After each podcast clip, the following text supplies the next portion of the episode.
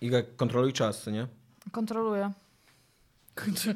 Wow, wow. Powiedzcie mi, powie, powiedzcie mi, jak to jest możliwe? Bo, bo, bo dzisiaj wpadłem na tę genialną myśl, to już może być w odcinku, już tego nie kasuj. Powiedzcie mi. Taki Tak. to jest, wiesz... Czekaj, Jak to jest możliwe, że w Assassinach, ile ich jest? 40? Nie było nigdy easter egga z DeLoreanem. W Assassinach chyba w ogóle za bardzo nie ma easter eggów, to raczej poważne gry. Poważna historyczna fikcja.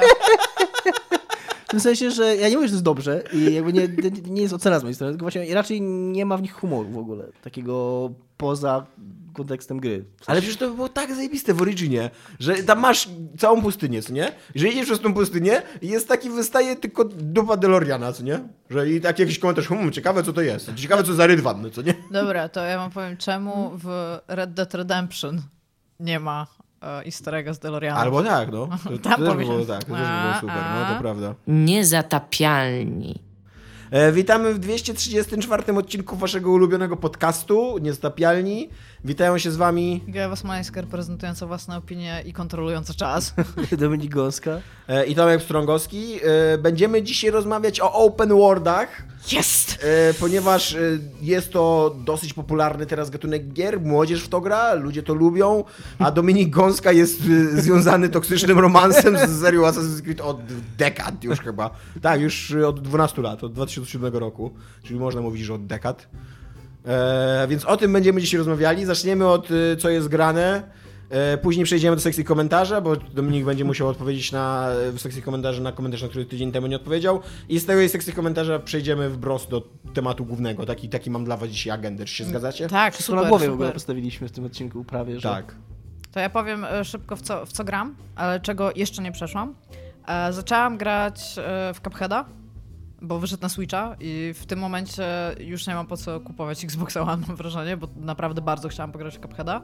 Cuphead jest trudną grą i ma coś takiego, bo jest śliczna. Ta gra jest po prostu przecudnie śliczna i to nie jest żadne odkrycie, wszyscy widzą, że jest śliczna, ale mam z nią pewien problem z tego względu. E, ona jest bardzo dokładna w zręcznościowych rzeczach i ty mówiłeś tydzień temu o tym Katana Zero, że czasami masz wrażenie, że wszystko zrobiłeś dobrze, ale zostałeś ukarany. I w Cupheadzie bardzo często jest tak, jak w Soulsach, że wiem, że to moja wina, ale przy bossach, a to jest boss rush praktycznie, boss rush, hihi, e, pozdrawiam Miela, e, ten... E, mam taki problem, że te animacje, szczególnie jak coś jest bardzo duże i jak masz taki skill, bo ja mam, jako że zaczynam, to mam tylko ma, mało skilli, ale jeden z nich, który jest dla mnie bardzo ważny, bo gram w takie gry w ten sposób, to jest dash, że w trakcie tego, kiedy wykonujesz dasha, jesteś nieśmiertelny, czyli jesteś w stanie unikać ataków w ten sposób. I Ja mam bardzo dużo na tym zbudowanej tej mojej zręcz, zr- zręcznościowości w tej grze i w momencie, kiedy ja się przetransportowuję jakby przez typa, który mi zajmuje jedną trzecią ekranu i w ten sposób chcę go uniknąć, to ja nie mam zielonego pojęcia, czy gra mi to zaliczy, czy nie.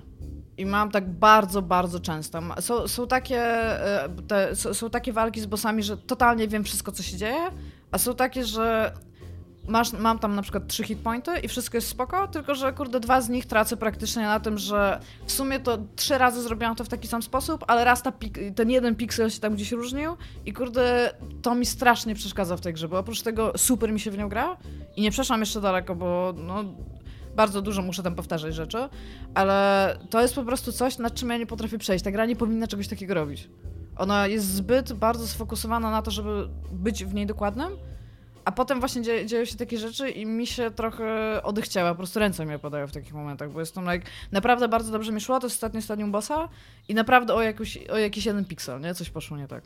Ale bardzo, jeżeli nie graliście, bardzo, bardzo polecam Cupheada. To jest po prostu jest tak fajny, odświeżające to, że ktoś przyłożył tak dużą uwagę do tego, żeby ta gra wyglądała i brzmiała w konkretny sposób, bo moim zdaniem dużo za mało się mówi o tym, w jaki sposób tam dźwięk działa, bo ona ma dźwięk też taki bardzo retro, taki kojarzony właśnie nie dość z tych kreskówek, to jeszcze w ogóle z takiego klimatu lat tam 30. powiedzmy, w trakcie tego, kiedy to się działo. Są te wszystkie takie przestery i tam, tam naprawdę rewelacyjnie to jest wszystko zrobione. To jest gra tak spoliszowana, że Jesus Christ. Mam zamiar o niej pewnie mówić. Sądzę, że spokojnie przejdę, więc będę jeszcze trochę o niej mówić. Oraz grałam w ulubioną grę moją ever, Air Defense Force, piątą część. teraz znowu zaczęliśmy koopa, która jest praktycznie taka sama jak czwarta część, bo ma te same modele z innymi teksturami, natomiast są w niej żaby kosmici, którym da się odstrzelić nogi i one potem siedząc cały czas strzelają, co jest super, ale w Earth Defense jest taka przyśpiewka, że oni śpiewają jako oddział ten Earth Defense Force. I w czwórce była genialna ta przyśpiewka i sobie ją często podśpiewuję, to ja nie wiem, co się stało w piątce, ale jest po prostu tak zła, że jakość tej gry spadło jakieś trzy kropki w dół. Ale wciąż bardzo polecam. O trzy kropki. No jakbyś miał A, 10 y, kropek. W kropkach oceniasz? Teraz już tak. Jak biedronki takie będą. Założę taką na list. Nie, musi to być coś z grami. Zaraz coś wymyślę, ale będą, biedronki będą e, tym e, oceną moją. Biedron gra. Boże, tak. Biedrongra.gov Więc tak, bardzo polecam Air Defense Force i totalnie wszystkim polecam Cupheada. Na Switchu gra się bardzo dobrze, ten port jest zrobiony To jest w ogóle rewelacyjnie. chyba najlepszy port y, na Switcha. Bardzo, Czytałem dużo, tam, właśnie bardzo dużo y, artykułów też na ten tak. temat. No. Ci twoi ludzie, Digital, jak oni się nazywają? Digital Foundry. Digital Foundry, tak, się podniecali, że w ogóle, że jest rewelacyjny port i że to jest mistrzostwo świata, jak przyniesie tą grę. Że jest, no, że jest jeden do jednego. Tak. Tak I e, zdarzyło mi się też, zanim kupiłam tę grę i zaczęłam grać w single, to pograłam e, chwilę z gramem, którego pozdrawiam w koopa. E, Lokalnie sobie usiedliśmy, pograliśmy, tylko że przez to, że zaczęliśmy grać od jakiegoś późnego poziomu, bo bardzo chciałam go zobaczyć, to nic nie byłam w stanie tam rozkminić, nie wiedziałam, dostawałam ostry w piernicz tam od razu po prostu z miejsca. Ale jest naprawdę, naprawdę wow jest ta gra. Dobra, Iga, ale działy No. się również ciekawsze rzeczy w swoim życiu, ponieważ oglądasz tą animację e, kobiet, które pracowały przy Bojaku. Mhm. E, I jak ona ci się podoba? Tuka i Birdie się nazywa. Tuka i Birdie. A- Właśnie jeszcze jej nie zacząłem oglądać. Wiesz co, to jest zupełnie, to, to, to nie jest Bojack, w sensie ona tam da.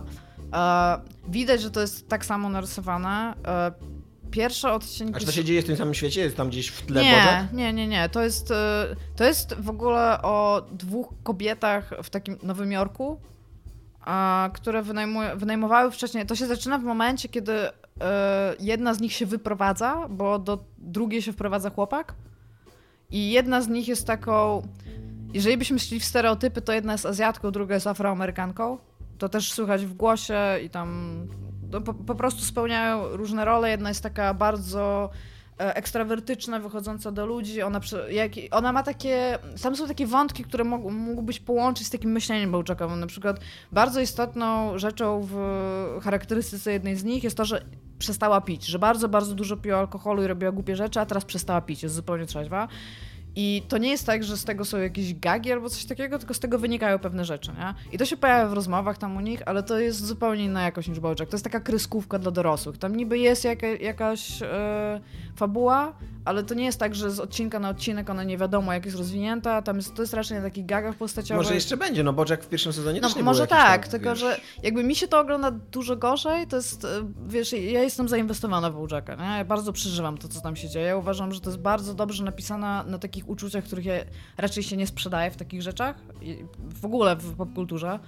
A Bojack jest napisany, no to to jest takie bardzo Reader's Digest like, nie? Że one mają tam jakieś swoje quirki, to jest śmieszne, to są takie tam jakieś gagi przechodzą, co mi się podoba i mam wrażenie, że to zaniedbuję od któregoś odcinka, bo ja tam chyba widziałam z 6 albo z 7, to jest to, że na samym początku ta gra, e, ta, gra, ta e, bajka jest bardzo muzyczna, tam jest bardzo dużo takich jakichś e, przyśpiewek, tam, że jedna, jedna z nich tak dużo wymyśla tych i to są bardzo fajnie zrobione, takie umiejętnie fajne, krótkie utwory, takie tam fan i tam wszystko i po pewnym czasie mam wrażenie, że tego jest mniej i jakby tego trochę nie kumam, szczególnie, że całość jest taka mm, bardzo dynamicznie psychodeliczna, w sensie, jeżeli chodzi o, o, o animację. Tam, tam jest bardzo dużo tańczenia, jakichś tam takich tam. I to mi się nie podoba, ale jest nowa jakość w porównaniu do Bojacka, bo oprócz tego, że ludzie są ludźmi, ludzie są zwierzętami, to są jeszcze rośliny. I rośliny to jest po prostu jakaś zupełnie nowa jakość, która tam jest, bo na przykład mówią grdyką, że tam mają, ich głowa to jest roślina, mają ciało człowieka, ich głowa to jest roślina, ale tam wypowiadają się otwierając taki otwór jakby gębowy i nie wiem, to mi się, to mi się strasznie podoba. Jest, jest, to, jest, to jest zupełnie inna rzecz. To, że jest rysowana przez tą jedną osobę, mam wrażenie, że mogłoby że tak naprawdę może działać y, gorzej. No ale też jest animacji. pisana przez scenarzystki, które pracowały przy Bożaku, tak? Dobrze roz... Znaczy ja wiem, że jest rysowana, tak, powiem ci, że takiego dużego researchu nie robiłam, ale być może tak. Zresztą to zresearchuję. Zresearchuj to szybko. Zresearchuję tak jak dziki, kurde. No tak, ale no to jest taka. To jest takie, że sobie siadasz, żeby obejrzeć sobie 20 minut jakiegoś animowanego serialu, który jest zupełnie taki lejtowy. Nie ma, nie ma po prostu tych takich heavy bojack, o, takich overtones, no, że siedzisz i okej, jakby oglądasz i tam to się dzieje. Na przykład ostatnie, ostatnie cztery odcinki, jakie widziałam, to po prostu siedziałam tam u znajomych, e, włączyłam to na, na Netflixie, to leciało w tle, rozmawialiśmy, to leciało, trochę się pośmieliśmy i tam... I tam okej. Teraz czekam aż to jak zresearchuje, tak? No nie, nie jest to takie, że ci powiem, nie oglądaj tam, o Jezu, jakie gówno, ale to też nie jest takie, że... No, piszą tutaj, że są brain children of writer artist Lisa Hannawald. No to, to w takim razie Obie, tak, no. o, oba seriale, co nie? Czyli jest writer i artyst, tak? Czyli ona jest scenarzystką i rysowniczką też. Ale jest, y, no, jest to bajka dla dorosłych i jest bardzo dużo fan rzeczy ma, no ale nie, nie- moim, nie wiem, czy skończę to oglądać, może w taki sposób. To jest raczej taki mój e, zap, zapychacz, jak nie mam w tym momencie czegoś do oglądania, to sobie to odpalam. Ale tak naprawdę ostatnio też na Netflixie, przez to, że trochę pracowałam z domu i robiłam takie bardzo zero-jedynkowe rzeczy, że nie musiałam się nad tym długo zastanawiać, to mogłam sobie czegoś słuchać w tle. I na przykład widziałam całe te e, nagrania, ten wywiadu z Tedem Bundim, zrobione jako, Mhm. jako wtedy Randiego. To całe widziałam. Widziałam bardzo dużo tego o Madeleine, w sensie o tym porwaniu tej, tej dziewczynki, które tam przez te sądy i tam nie wiadomo jakie rzeczy tam się... Nie widziałam tego do końca, ale znam tą historię. No i na przykład te rzeczy mnie bardziej wciągnęły niż ta bajka. Jest mi trochę przykro, bo się spodziewałam, że to będzie coś takiego jak Bojack, w sensie, że też będę w stanie się zainwestować w to, a mam po prostu wrażenie, że to jest taki sitcom animowany. Taki dosłownie tam, może nie śmiech z puszki, tam bogag, ale no bardzo sytuacyjne rzeczy tam się działy. No. Dobra. To ja grałem w Celest. Ja Powiemy czekaj, teraz bo o tym. To Czy ty jeszcze ja, chcesz o nie, czymś innym Ja chcę o mówić? czymś innym jeszcze, bo skoro mamy sekcję Okej. serialową, to ja jeszcze o, o serialu Czarnobyl, to zacząłem oglądać. E, My to nagrywamy, jak tylko dwa odcinki wyszły, bo to teraz po prostu wychodzi co tydzień na, na HBO. Ma być łącznie pięć tych odcinków. Myślałem, że sześć, chyba ostatecznie ma być ich pięć. Na razie obejrzałem dwa i włączyłem, znaczy ja słyszałem, że on jest dobry i spodziewałem się, że będzie dobry, ale e, jak go włączałem tam kilka dni temu, to raczej tak na zasadzie, że obejrzę jeden po prostu, a i że raczej nie będę, że ten drugi sobie później obejrzę, a mnie tak wciągnęło, że obejrzałem jeden po drugim, tak w ogóle z rozdzieloną gębą praktycznie, bo Czy to jest fabularyzowany serial, czy to, to jest jest, serial? to, to jest fabularny. totalnie fabuła, to, to nie jest w ogóle dokument, to jest seller fabularny i za, za chwilę jeszcze powiem, co z tego wynika trochę. E, Ale jest tak, realizacyjnie jest, e, on jest tak dobrze zrobiony, tak technicznie i, i tak, e, tak, mm, no jako po prostu, jako no jako serial fabularny. Tak, tak cię wciąga w ogóle w swój świat i w to, co się dzieje, a jednocześnie jest tak przerażający, tak podskórnie aż taki czuć taką grozę z niego, taka groza z niego bije, ale to jest taka groza, nie wiesz, nie taka horrorowa groza, tylko taka wynikająca z tego, że o autentycznie przerażające rzeczy, które, które się w dodatku naprawdę wydarzyły, nie? Oni pokazują tylko, jak to jest straszne i jak- i jakby coś, coś nam mogło wydarzyć, co- coś tam, tak, coś tam po wydarzyło, co tam się mogło wydarzyć w ogóle i jak, z jaką, no, jaka to jest groza, nie? Jakie to jest, jakie to jest przerażające. Jestem w trakcie czytania książki, która od, ona się nazywa Fallout jako książka, ale jest e, od pierwszych e, badań na temat rozszczepienia atomu i tego, jak to można e, wykorzystać, przez tam całą technologię prowadzącą do bomby atomowej, projekt Manhattan, tego atomu w służbie pokoju, ale idzie dalej, bo jest tam też Fukushima i to w jaki sposób składujemy i co robimy w ogóle z, z radioaktywnymi odpadkami. To jest taki jakby I też właśnie, też mega fajne jest to, jak oni pokazują, z jakim, jak oni nie byli przygotowani w ogóle na to, co tam się wydarzyło. Więc w ogóle cała w pierwszym odcinku jest bardzo, duży, bardzo duża część pierwszego odcinka poświęcona jest temu, że główny, w ogóle przez pierwsze tam parę godzin po tej katastrofie, ten główny zarządca tej elektrowni, on nawet nie tyle, że nie wierzy, on nie przyjmuje do wiadomości, że ten reaktor mógł wybuchnąć, że tam mogło dojść do wybuchu. Bo mówi, że reaktory tego typu nie wybuchają. I tam parę razy jako, jako taki refren e, w tym odcinku pojawia się pytanie, w jaki sposób reaktor tego typu wybucha. I nikt nie może na to odpowiedzieć. Tam przychodzi jakiś fizyk i mówi, jak to jest możliwe, proszę mi powiedzieć, jak to mogło się wydarzyć, że ten reaktor wybuchł. I on mówi, Ja mam tylko. Nie Nie jestem tam jest realnie mówione o wybuchu, bo to był pożar. nie, wybuch, tam nastąpił wybuch. I No ale na, przez bardzo, bardzo długi czas to był po, no, to, no to dobra. jakby zaczęło się od wybuchu, a później był pożar i ten pożar gasili. Jakby Pożar gasili w ogóle, to za chwilę o tym powiem. No i w każdym razie właśnie wraca to, że oni nie, są w stanie w ogóle, i oni tego nie rozumieją, przez to, że tego nie, nie rozumieją, co się wydarzyło, to on nie przyjmuje tego do wiadomości. I on wysyła w ogóle dwójkę ludzi tam do tego reaktora, bo on myśli, że to coś innego, że tam związanego z chłodzeniem tego reaktora wybuchło i, i żeby tam y, y, przywrócić to chłodzenie, żeby właśnie nic się nie wydarzyło. No, Wiedząc, o tym, mimo że mu mówią, że tam doszło do wybuchu i ten reaktor jest otwarty, to on wysyła tam ludzi, którzy mają tam praktycznie na śmierć i, i, i, i on mówi, że wiesz, parę razy mówi, że nie, to się nie mogło wydarzyć, to się nie wydarzyło, bo to jest niemożliwe. E, I i to, co też y, jest bardzo dobra scena, i w ogóle jest, jest parę momentów takich w tym, seria, w tym serialu, że autentycznie, y, co często się w takich popularyzowanych serialach, sobie myślisz, że kurna, to się nie mogło wydarzyć i wchodzisz na Wikipedię, jako coś się totalnie wydarzyło. Jedną z takich scen jest, jak oni zaczynają ten pożar, y, zaczynają gasić ten reaktor, no i oni nie mogą gasić go wodą, bo tam jest taka temperatura, że tam ta woda jak spadnie, to ona wyparuje w ogóle pewnie zanim jeszcze w ogóle dotknie tego, tego reaktora, więc tego w ogóle nie ma sensu gasić tego wodą. A gaszą to piaskiem wymieszanym z borem i oni muszą ten piasek zrzucać na ten reaktor, tylko że on, oni mówią na przykład, że nie ma moż- ten helikopter nie może nad reaktorem się znaleźć, bo tam jest tak, taki poziom promieniowania, że to będzie, ci ludzie tam zginą na miejscu, nie? I, i, I tak jakby oni muszą z rozpędu zrzucać ten piasek, tak żeby ten piasek siłą, siłą rozpędu wpadł do tego reaktora. No i na samym początku pierwszy helikopter właśnie podlatuje za blisko tego reaktora i totalnie po prostu on tylko, tylko wlatuje na ten reaktor i widać, że po prostu już bezwładnie helikopter leci, uderza w jakieś tam rusztowanie i spada na ten, spada na ziemię. Tak patrzę sobie na to myślę, no chyba trochę przesadzili, że to raczej nie jest możliwe, że tam wlecieli tylko kawałek na ten reaktor i od razu piloci zginęli na miejscu. Totalnie nawet na YouTube jest nagranie, jakby prawdziwe nagranie z, z tamtych czasów, gdzie widać jak to się dzieje. To No, ja tylko chciała właśnie przypomnieć, że przed e, Czarnobylem ni, ma, bardzo mało wiedzieliśmy o, o radioaktywności, tym w jaki sposób oddziałuje Tak. człowieka, więc ja nawet nie wiem, czy tutaj nie jest, jeżeli, jeżeli mówisz, że w serialu jest powiedziane, że oni wiedzieli, że coś takiego się stanie, to to nie do końca jest prawda, w sensie bardzo mało ludzi wiedziało o tym, jak dokładnie radioaktywność działa na No, ciało każdym- ale to też widać, że oni, widać właśnie, jak oni są, nieprzygo- jak oni są Tak, tak, nieprzygotowani tak, bo i jak, jak, znaczy, jak oni sami są przerażeni, jak oni nie wiedzą, co się dzieje tam i, i ten. I z tego, co czytałem, y, jest to serial dosyć wierny, jeżeli chodzi o fakty i o to, co się wydarzyło. Natomiast czytałem również, y, y, chyba na Rotten Tomatoes jakieś 95% w tej chwili, są bardzo wysokie oceny. Jest jedna negatywna recenzja i jest recenzja New York Timesa, którą przeczytałem i której autor ma dosyć sensowne zarzuty i on tu uważa, że tego serialu, moim zdaniem to jest po prostu coś, co scenarzyści zrobili i to można różnie odbierać.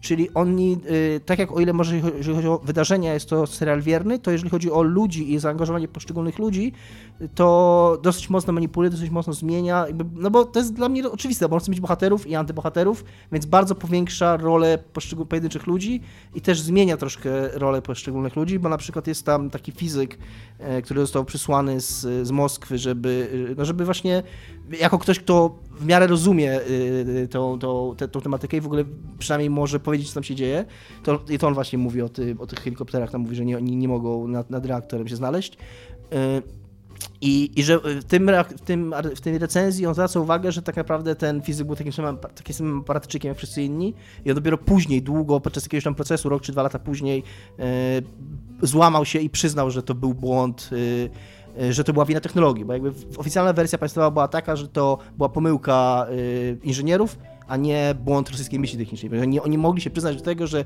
rosyjska myśl techniczna mogła być wadliwa. Yy, I że dopiero pod koniec, w ostatnim procesie, ten, ten fizyk się złamał i powiedział, że, że to była wina technologii, że to było po prostu źle zaprojektowane i później popełnił samobójstwo. I jakby on w związku z tym, w ogóle od jego samobójstwa zaczyna się ten serial, to jest ta pierwsza scena w nim, jak on popełnia samobójstwo i później res, re, re, cała reszta jest retrospekcją.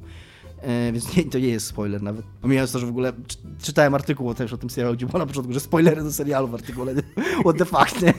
Re- reaktor czwarty Yy, I ten, raczej nie yy, przetrwa. No i że właśnie, a, a, a w tym serialu robią Nie przyzwyczajać się do niego. A w tym serialu robią z niego taką e, wprost postać pozytywną, że on z samego początku on jest jakby przeciwny tej, tej partyjnej wizji, jakby tak staje ten. No i ja nie widzę problemu z tym, jakby rozumiem dlaczego tak jest, no bo jakby potrzebny tam jest pozytywny bohater, a, a jakby wszyscy byli chujami, no to może nie byłoby to ciekawe. Tam nawet nie to, że oni są jakimś, znaczy w sensie, biorąc pod uwagę klimaty polityczne, które wtedy No funkcjonowały, to tam nawet nikt nie był chujem, po prostu robiło się rzeczy by the book, no, no i Tak, wszyscy tak. to robili by the book. Bardzo fajne jest to, jak, bardzo fajne jest to, jak, ten- jak ten serial wygląda, bo jest bardzo drobiazgowo zrobiony, jeżeli chodzi o dekoracje, jeżeli chodzi o wygląd ludzi, że to jest takie trochę jakbyś oglądał... e, Czy po- amerykańscy y, aktorzy mówią po angielsku angielsku? Mówię z normalnie po angielsku. akcentem? Nie, mówię normalnie Nie, po angielsku. Normalnie. Są takie sceny, że ktoś mówi po rosyjsku, albo że są jakieś sceny, ale tak jak mówię, to mówią normalnie po angielsku, czy tam z angielskim, czy amerykańskim akcentem, ale są w takich e, okularach, strojach, takich dekoracjach, takiego, jak, takie, jak pamiętasz filmy tam z PRL-u polskie, to oni mniej więcej w takich się, e, o, takie, dosyć wiernie to wygląda, tak jak ten. Jedyne co, e, co zwraca uwagę, Czy jest... Aha, przepraszam. że jak na przykład są sceny takie plenerowe, czy jak pochodzą, jest super czysto na przykład w, przed blokami, no to, to totalnie to tak nie wyglądało w PRL-u, czy tam, przepraszam, na Ukrainie tak samo w tamtych czasach, ale poza tym to masz takie właśnie, takie dziwny dysonans, że widzisz amerykańskich aktorów, których rozpoznajesz, że na przykład Stellan Skarsgård gra dosyć ważną rolę, on jest takim dosyć charakterystycznym aktorem, więc go kojarzysz na przykład z amerykańskich filmów, a on tam, wiesz, chodzi po takich, siedzi przy takiej kuchence w, w mieszkaniu, jak która wygląda tam jak z jakiegoś głębokiego PRL-u, nie? I to, to jest takie, Ja mam pytanie. Czy są sceny plenerowe z okresu przygotowywania do święta e, majowego w Prypiaci? Nic takiego nie I ma. kładzenia tego tam diabelskiego młynu i wszystkiego? Nic takiego nie było, nie. Wow. Okej. Jest bardzo ładna scena, kiedy stoją rodziny z dziećmi tam w, tej, w tą noc, kiedy doszło do tego wybuchu i, i patrzą na tą elektrownię i, Tak, bo wszyscy wyszli na balkony. i patrzą na tą no. elektrownię i że jest bardzo ładne, że tak ładnie wygląda i takie, takie w ogóle społeczne przeżycie, że, że, to, że, że jak to ładnie wygląda, nie? A tam jakiś w ogóle ten pył leci z, i Mhm. tam spada na te- tych ludzi. Więc- Ja przyszedłem Celest. I w każdym razie bardzo polecam. Ja przyszedłem Celest, yy, Czy tak? twój Switch przetrwał? E, przetrwał. Przetrwał. Ledwo. e, Wiesz co, ty grałaś na Switchu czy na, Na Switchu. PC? Nie miałaś problemu też a propos, a propos tych takich właśnie, wiesz, minimalnych niedoróbek w Czy mogę jeszcze w tylko zręcznościówkach, które wymagają stuprocentowej dokładności. Bo właśnie Celest robi to bardzo dobrze. Układ klawiszy mi się bardzo dobrze podoba w Celest. Cuphead wymaga automatycznie zmiany klawisza najbardziej używanego i to jest klawisz strzału. A czy nie miałaś problemu z tym, że daszowanie w po poziomie i pionie, a nie po skosach jest strasznie trudne, bo jakby musisz, jeden- ideal, musisz idealnie jeden taki punkt, żeby, żeby mm, w linii Miałam. prostej, żeby daszować w linii jakby nie ma, nie ma żadnej, żadnej takiej tolerancji, że, że może być trochę od, odchylony joystick, nie? Jak już jest tylko odrobinę odchylony, to on, on Tak, automatycznie miałam, daszuje po Miałam skosie. szczególnie po, pod sam koniec, bo pa, pamiętam Tak. dokładnie w jakim momencie się zacięłam. E, musiałeś przedaszować, były takie kolce, które miały w środku miały wyrwę i musiałeś przedaszować Dokładnie w dół, tym momencie myślałem, że mój Switch wyleci przez okno. Tak, musiałeś przedaszować pod nimi, potem do góry Tak. i potem w prawo. I Jesus Christ, ja tam... To, to, Ja tam z 200 śmierci tak, poniosłem. ja po prostu się zastanawiałam, kiedy ta gra mi powie, wiesz co, you suck, nie? No, że tak, może, może jednak sobie nie poradzisz, może jednak, nie, może jednak odpuść, takie, takie drugie zakończenie, sobie No. nieukryte. Ale tak, to był moment, w którym właśnie to, co ty mówisz i wiesz, jak w końcu to rozwiązałam? Jak normalnie trzymasz e, kciukiem No. e, thumbsticka, to jest to drugie trzymanie na tak zwane pazur, the claw. No. I wzięłam po prostu pomiędzy palec wskazujący i kciuk tego thumbsticka i robiłam już takie, jakbyś robił na arcade sticku. No. Takie ruchy, Tak. żeby wiedzieć, że to jest... I, I w momencie, kiedy zaczęłam to robić, to chyba za trzecim razem mi to wyszło. Ale Switch nie ma dipada? Przepraszam. Ma, ale tam zbyt szybko musisz naciskać te przyciski i na dipadzie jest, y, no moim zdaniem to jest nie do zrobienia, przynajmniej dla mnie, no. No, ale jak, Próbowałem ale jak to zrobiłam, I... to myślałam po prostu, musiałam odłożyć tego Switcha, bo byłam tak, Tak. zła na fakt, że ja robiłam wszystko, w sensie, że moje myślenie było dobre, tylko moje ręce nie dawały rady, Tak. że musiałam go na trochę odłożyć i tam, nie wiem, wiesz, rozchodzić to i dopiero Tak, usiąść i grać dalej. A potem to już z górki w W ogóle. ogóle rewelacyjna jest ta gra w tym, że daje ci taki, takie coś trudnego i mówi, i, i wiesz, i tam siedzisz te 200 śmierci i myślisz, że już nic trudniejszego nie może być w tej grze, a później przechodzisz do kolejnej sali i, i po prostu jest coś trudniejszego. I znowu tam siedzisz, kurde. Właśnie, to, to był taki moment, że tam bardzo, bardzo dużo czasu spędziłam. Potem już miałam taki boost, że wszystko mi tam szło przez bardzo, bardzo długi czas dobrze. E, ale były też takie momenty, co dostajesz ten taki jakby drugi oddech, że możesz dalej, dalej To, to, skakać. to już jest sama końcówka gry, to No. co ty mówisz. To tam już nie, nie mogłaś dużo grać dalej. No ale to właśnie pamiętam, że tam jeszcze miałam taki jeden motyw, że po prostu nie rozumiałam, jak ja mam to zrobić. Tak, że fizycznie nie wiedziałam jak. E, I tylko chyba dwa b-sidy zrobiłam. Ja nie nie zbieram, robię- już tych truskawek to już mnie tak w dupie to miało. Naprawdę to, ja nie muszę nic nikomu udowadniać, ja po prostu muszę wejść na Celest, nie? I Ja też, ja, ja, ja B-side'ów w ogóle nie zrobię i nie, nie zamierzam zbierać truskawek. Jestem dumny z tego, co osiągnąłem. A, a to jest właśnie fajne, to poczucie dumy, które daje ci grę, Tak. bo ta, ta gra robi, nie wiem Dominik, czy grałeś w Celest, bo tam są Grałem truskawki. w Celest, grałem z dwie godziny w Celest. I tam, tam są truskawki, które zbierasz. I ta gra ci mówi, możesz zbierać te truskawki, te truskawki nic ci nie dadzą. Te truskawki są tylko po to, żeby pogadać z twoimi znajomymi i nie jesteś gorszy, że nie zebrałeś tych truskawek, jeżeli nie zebrali. I Totalnie siedzę- jesteś. I, i tak, nie, ja siedzę i jestem z tym super okej. Jak ktoś mi mówi, że zebrał truskawki, to są jak... Naprawdę jestem do siebie happy, ja ich nie zebrałam i w dupie to mam. Ja tak z połowę truskawek zebrałem.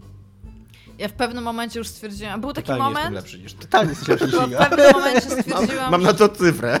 Co nie? w pewnym momencie stwierdziłam, Liczbę, że przepraszam, e, a- tam była taka jedna, która uciekała... Jesteśmy bardzo matematycznym podcastem, jak Bo- ustaliliśmy. Matematycznie poprawnym. No. E, było ten. E, była taka. Bo tam są te, które uciekają, gdzie nie możesz wykonywać chyba skoków. Tak. E, i No, są takie- Dasze nie możesz wykonać. Tak, no, albo bo daszów, no, a drugie ten, a, a, te, a są takie, które po prostu są w miejscu. I do któregoś momentu zdobywałam wszystkie, bo nie były po prostu chyba tak trudne, a potem w pewnym momencie to już było takie, że wiem, jak mam ją zdobyć, w sensie widzę to, totalnie nie chce mi się tego robić i to był taki moment, że już po prostu wszystkie odpuściłam. Fajne jest, jak masz taki szeroki ekran, jakby jeden pokój, to jest taki szeroki ekran, który się jeszcze przesuwa, co nie? I ty w jego trakcie musisz zrobić tam 40 Skoków akrobacji, co nie? no. I, robi, i te jedno po drugim, także że nie masz chwili na zastanowienie. Robisz te 40 akrobacji i nagle powiesz, o, tu jest truskawka i robisz dalej. Co nie? W ogóle tak, tak w ogóle nawet ci do głowy nie przychodzi, że to jest realne, żebyś ty ją zebrał, co nie?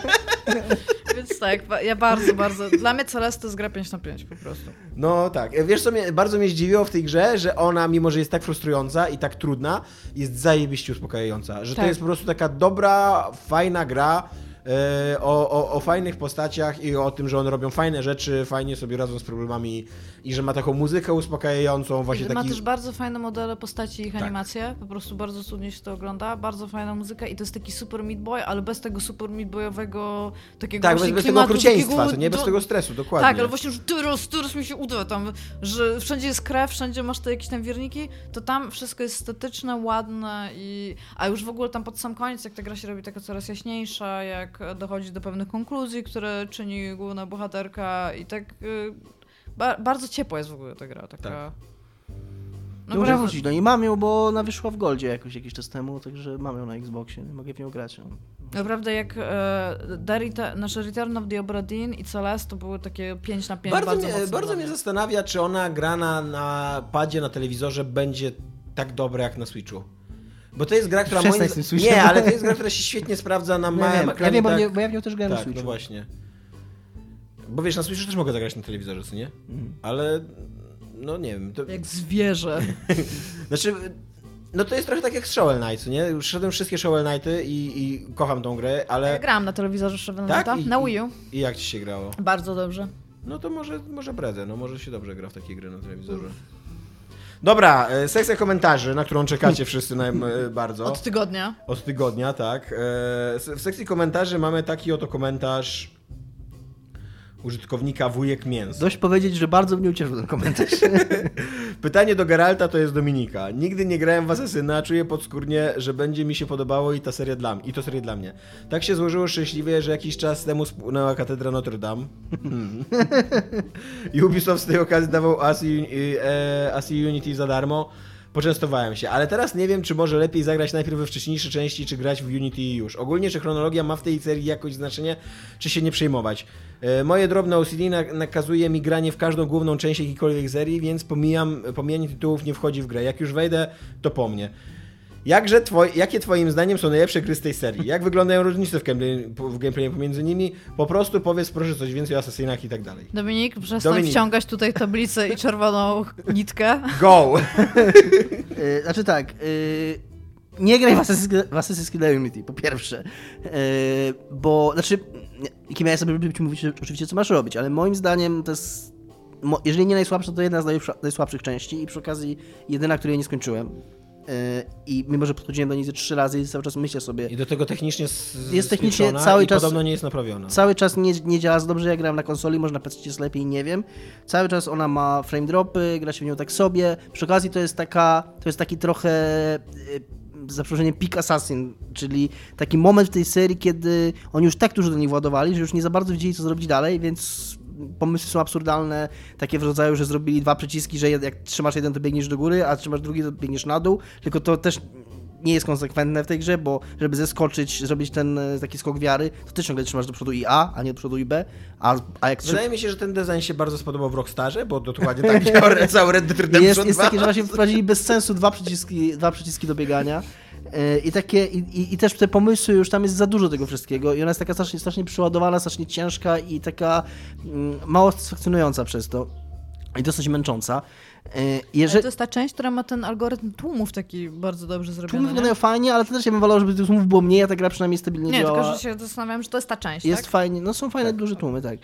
I, i też fabularnie przy okazji one, znaczy nie chcę mówić, że asesyny są jakieś arcydzieła, jeżeli chodzi o fabuły, ale, ale tam nawet na takim podstawowym poziomie śledzenia tej historii od, od momentu do momentu, ona jest taka strasznie przeszarpana, tam nie bardzo wiadomo o co w niej chodzi, trudno się w ogóle przejmować tym, co się w niej dzieje, więc, więc raczej bym, jeżeli zaczynać w ogóle tę serię, to raczej nie polecałbym y, od Unity. To od czego? I nie polecałbym też raczej, chyba że faktycznie jesteś tam takim freakiem i bardzo ci zależy, nie polecałbym też raczej zaczynania od jedynki, bo też nie ma co się przejmować chronologią. E, Każda z tych gier, jeżeli chodzi o fabułę, to jest tak naprawdę zamknięta całość. E, Czy chronologicznie zaczynasz od Origins?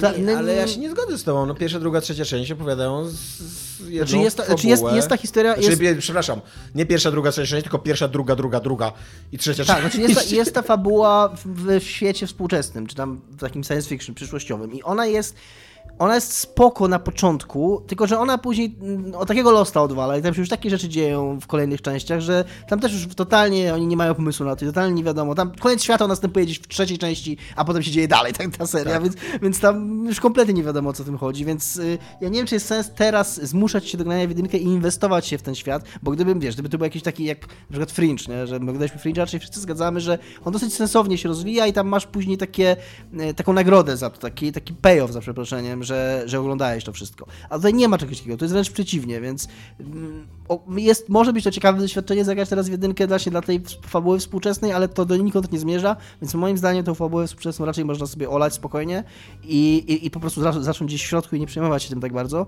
Ja gdybym miał polecać w tej chwili od jakiej części zacząć, no to albo byłoby to Black Flag, który jest moim zdaniem jednym z najlepszych asasynów w ogóle, bo przy okazji... Są szanty.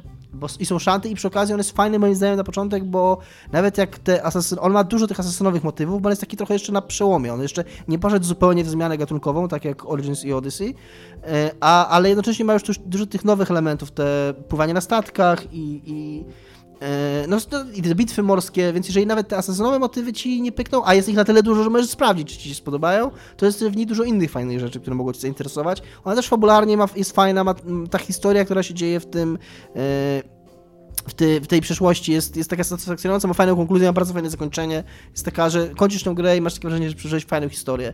A jeżeli. Tylko jedyne co, yy, bo, bo jeszcze mam takie, takie przemyślenie, że ta seria ona jest bardzo techniczna i ona ma bardzo duży wpływ na to, jak zaczęto, jakby wyjście w ogóle pierwszej części zmieniło to, jak się tworzy gry akcji i platformówki. I przez to, jak mocno inni zaczęli to kopiować i też jak ona technicznie się rozwijała, to obawiam się, że te starsze, stare części, nawet Black Flag, które ciągle bazują na tym samym silniku, one mogą w dzisiejszych czasach już trochę trącić myszką. I, to, I te animacje mogą już nie wyglądać do końca dobrze. Ja próbowałem ostatnio trochę grać w Rogue, y, czyli tą taką część, która wyszła w tym samym czasie co Unity. Co, jak Unity wyszło na nową generację, to Rogue wyszło na starą generację i to już bardzo czuć. Takie, czuć, że to, to, to już nie jest takie fajne i że to już nie jest takie płynne i że to już nie jest takie satysfakcjonujące. Więc jeżeli to byłaby przeszkoda, to polecałbym jednak Origins. Po pierwsze tego, tego co powiedziała Iga, że jest, jest to w chronologii świata gry, jest to pierwsza część.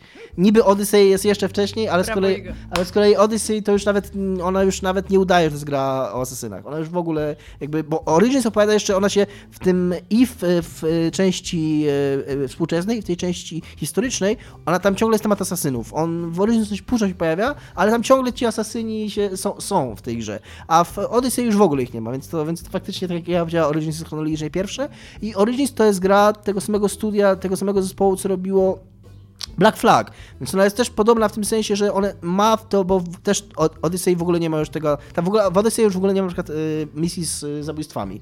W, w, w Origins są ciągle misje z zabójstwami, więc ciągle jest to takie sedno rozgrywki asesynowej, a też jednocześnie są to elementy RPGowe i jest dużo takich rzeczy na boku nowych, które, które mogą, y, które jakby dają ci taki, taką pełniejszą grę, no, że ona nie- nie jest, taka, nie jest taka skoncentrowana tylko na jednym. Przy okazji Origins ma mega fajny świat, który jest y, taki niespotykany w grach. To jest coś, co było tam Odyssey, to ma po prostu tam lasy i, i, i, łąki i takie rzeczy, które widziałeś milion w jakichś tam grach. Tak samo e, Black Flag czy, czy, czy, czy te inne asesyny, a właśnie no może jedynka, jeszcze jedynka była taką grą, że ona miała taki setting, że faktycznie to było coś, czego nie widziałeś wcześniej w grach. I właśnie Origins to powtarza, ten starożytny Egipt, ta, te pustynie, te piramidy, te piramidy, te grobowce w piramidach szczególnie, takie mega klaustrofobiczne, mega ciasne korytarze, to jest coś, co grasz, to jakby to takie fascynuje i porywa człowieka na takim poziomie, że są to, są to miejsca i są to y, lokacje i są to artystycznie tak zaprojektowane rzeczy, których nie widziałeś wcześniej w grach, więc moja rada, już kończę, bo Iga patrzy w telefon, a Tomek ziewa, moja rada jest taka, że Black Flag, a jeżeli chcesz coś nowszego i być w tej generacji, to Origins. A nie Brotherhood? To jest za stara gra, nie. Wracamy do naszego y, odcinka. Niestety nie ma już Igi, bo Iga musiała wybiec na pociąg, bo się okazało, że ma wcześniej pociąg, więc będziemy próbowali tutaj udawać Igę. Ja będę taki super hipsterski, a Dominik będzie rzucał zdania po angielsku randomowo. E, więc y, znaczy, w każdym razie tematem naszego odcinka. Czekaj, czekaj, czekaj, bo jeszcze chciałem skończyć o asasynach. Jeszcze? Już skończyłeś. Już powiedziałeś, że Iga siedzi w komórce, a ja Tak, nie ale mam. powiedziałeś, że... y, Teraz będę siedział siedział w komórce naraz. Przypomniałem, Żeby odkrywać Igę. przecież bo- bo pytałeś mnie, e, czy nie Brotherhood, to bo jeszcze tego nie powiedziałem, a chcę dodać, że o ile Black Flag jest jeszcze na tym samym silniku ogólnie, co, co pierwsze części i na tej samym modelu animacji, bo oni go w, na Unity dopiero zmienili, to, e, to e, Black Flag ma tą wersję na, na nową generację. On jakby jest taki, on był cross-generacyjny, znaczy pomiędzy, nie, cro- cross-generational było i przez to ma wersję i na stare konsole i na nowe konsole, więc można w niego zagrać w takiej w miarę odświeżonej takiej wersji, w miarę współcześnie wyglądającej. Bo jeżeli jesteś ciekaw historycznego podejścia do tej serii, to gra, która stworzyła tą serię, to jest dwójka i Brotherhood. Jakby to był taki gigantyczny, gigantyczny sukces, one tam dostawały 10 na 10 i tak dalej i ludzie mieli mnóstwo zarzutów do jedynki i oni to wszystko naprawili we dwójce, to są takie, tak, to, były jest takie też coś- To jest wtedy. też coś, jak, jak właśnie myślałem e, o, o tym pytaniu, a mówię, myślałem o nim dużo, e, że, że jeżeli ci bardzo zależy na takim historycznym wejściu w tą serię i naprawdę chcesz w nią wejść i, i znać ją całą, to jedyn, jedynkę się raczej nie będzie dało grać współcześnie, ale wtedy zaczynać od dwójki po prostu, no bo, bo tak, bo, no bo tak historycznie to są ważne gry. Trójkę możesz odpuścić. Znam głosy, które są dosyć negatywne w odniesieniu do tej gry, tak. Dobra, open worldy, ponieważ e, Dominik grał w open worlda i ja gram w open worlda, więc to jest nasz temat dzisiaj. E, jaki jest, Dominiku, twój ulubiony open world ever? Wow, tak szybko w ogóle w ten... Czy to będzie Assassin? To, nie no, ja mam, to jest jedyna odpowiedź na to pytanie. W ogóle jedyny odpowiedź, w ogóle. Nie, nie. Ja też, dla mnie też to jest Assassin. Nie, nie, no Wiedźmin 3 i bardzo Aha. dużo, bardzo dużo myślałem, Nie. bardzo długo sta- starałem się w głowie znaleźć e, coś, żeby powiedzieć, że o, oczywiście było łatwo było odpowiedzieć Wiedźmin 3, ale to będzie coś innego, ale no nie mogę sobie przypomnieć, nie mogę sobie przypomnieć gry w otwartym świecie, która, która tak bardzo e, zawładnęła moim światem i która tak bardzo realizowała to, co e, dla mnie jest w tych grach bardzo ważne, czy taką, czyli taką iluzję, taką iluzję, taką iluzją, taką iluzję bycia y, uczestnikiem tego świata i bycia jego częścią i bycia jakby życia. w Mieć nim. na imię Geralt, co się nie udało.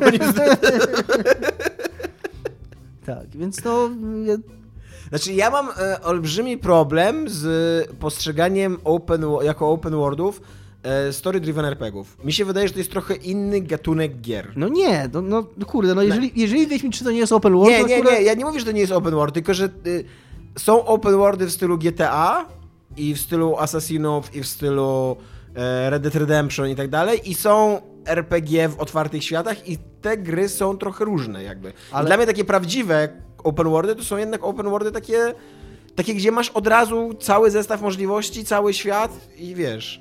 A nie Znaczy- postać, która się rozwija i tak naprawdę poznawanie tego open worlda jest związane z poznawaniem fabuły i rozwojem twojej postaci, co nie? No ale to w ogóle właśnie i tutaj, funda fundamentalnie się nie zgadzamy, bo właśnie ja mam na to zupełnie jakby jak, znaczy ja nie chcę się teraz kłócić o definicję, bo to tam Mhm. jest głupie, nie? ale ja najbardziej lubię i to masz takie pytanie dalej, ale jakby co jest dla mnie najważniejsze w tych grach i jak myślę właśnie i o Wiedźminie i jak myślę o, o Odyssey, które być może niedługo skończę, to ja bardzo lubię i w ogóle w open worldach i w grach yy, w ogóle takie historie o podróży i taki być, takie, taka, taką, nie wiem, takie wrażenie odkry... no, podróżowania, no, bycia turystą w wirtualnym świecie. I, I Wiedźmin taki dla mnie był właśnie przez to, że ja czułem, że ja nie, nie latam jak tam e, e, kot z pęcherzem po tej mapie w tej we i po prostu robię jakieś questy, tylko że ja jestem prowadzony przez tą historię w jakiś e, sensowny sposób, że, moja, że to jest podróż, bo, no, jak, jak, jak odbywasz podróż, to ona jest jakaś celowa, to nie jest tak, że się błądzisz. Nie, nie, nie chcę być, ja nie chcę być zgubiony w tym świecie, ani nie chcę być jakimś e, takim, nie wiem, e, dzieckiem w Luna Parku, które po prostu biega i, i sprawdza atrakcje, tylko kimś, kto faktycznie, e, które, kogo droga, czyja droga, osobą, której droga jest jakoś y, uzasadniona, która, że to jest taka podróż nie tylko w sensie przebywania z punktu A do punktu B, ale też podróż taka w, przynośni, nie? Że, że ja przechodzę jakąś drogę, że, że to ma sens. To jest bardzo dobra metafora do takich do open worldów. Metafora, że że, że masz e, dla mnie RPG takie, mhm. to jest właśnie, to, to, są, to są gry w open worldzie, które są podróżą, że ty, no tak. jesteś, że ty jesteś tam, ty tam jesteś podróżnikiem, który przybywa do jakiegoś świata, tak. średnio go zna, nawet jeżeli tak. tak. jak w Wiedźminie jest przedstawione, że tam Wiedźmin niby operuje w tym świecie, ale tak naprawdę grasz go nie zna i gra cały czas przedstawia ci ten świat i tak dalej. I ty tak naprawdę de facto nie żyjesz w tym świecie, tylko podróżujesz przez niego, tak jak mówisz, trochę z punktu A do punktu B, nawet na mapie często, zwłaszcza w Wiedźminie tak jest, że najpierw jesteś tam na, na południu, później dochodzisz do miasta, a później jeszcze wyspy, tak. nie? A y, i, to, i to, to jest jedna, jedna, jeden styl grania, a drugie to, że mieszkasz w tym świecie, że jesteś jego mieszkańcem, że, że centralnie jakby sposób na rozgrywkę, na opowiedzenie historii GTA to jest trochę budzisz się rano, wychodzisz z domu i co robisz? No tak. I, I mi się wydaje, że to jest w jakiś sposób lepsza, przynajmniej dla mnie, taka pełniejsza realizacja tego modelu. Mm. No nie, nie zgadzam się. znaczy, Ale długo, długo miałem takiego strika, no tak. Znaczy ja, bar, znaczy ja bar, bo, ja, bo ja po prostu mówię, no tak, w sensie rozumiem to, co mówisz. E, ja bardzo lubię GTA i, i, i szczególnie chyba najbardziej piątkę pamiętam w tej chwili i bardzo dobrze się w niej bawiłem. I, I, to są fajne gry, ale to nie jest to właśnie, co, co najbardziej lubię w tych grach. A teraz mi jeszcze, jakby się przypomniało tej podróży, to też, też z tego powodu ja bardzo lubię Final Fantasy XV, czyli gra, która ma mnóstwo problemów, a która właśnie dzięki temu, jak potrafiła być taką grą drogi, taką opowieścią drogi, e, bardzo dosłownie, bo tam się samochodem jeździło z miejsca na miejsce.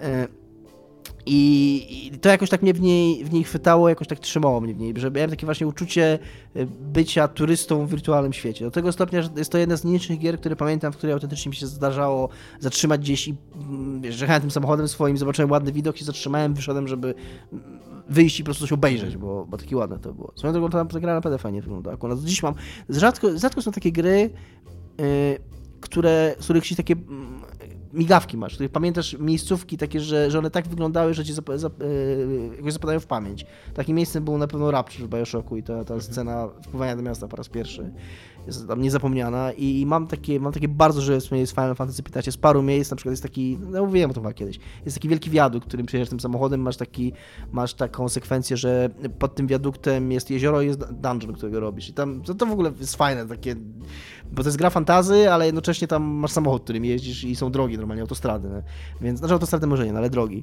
No i tam schodzisz z drogi, zatrzymujesz się samochodem, wychodzisz tam, wchodzisz pod wiadukt i tam masz dungeon z potworami, nie? I ten wiadukt jest naprawdę olbrzymi, znaczy mam tylko przynajmniej wizję jego w głowie, może on nie jest taki wielki jak teraz, jak teraz bym to grał. Słucham?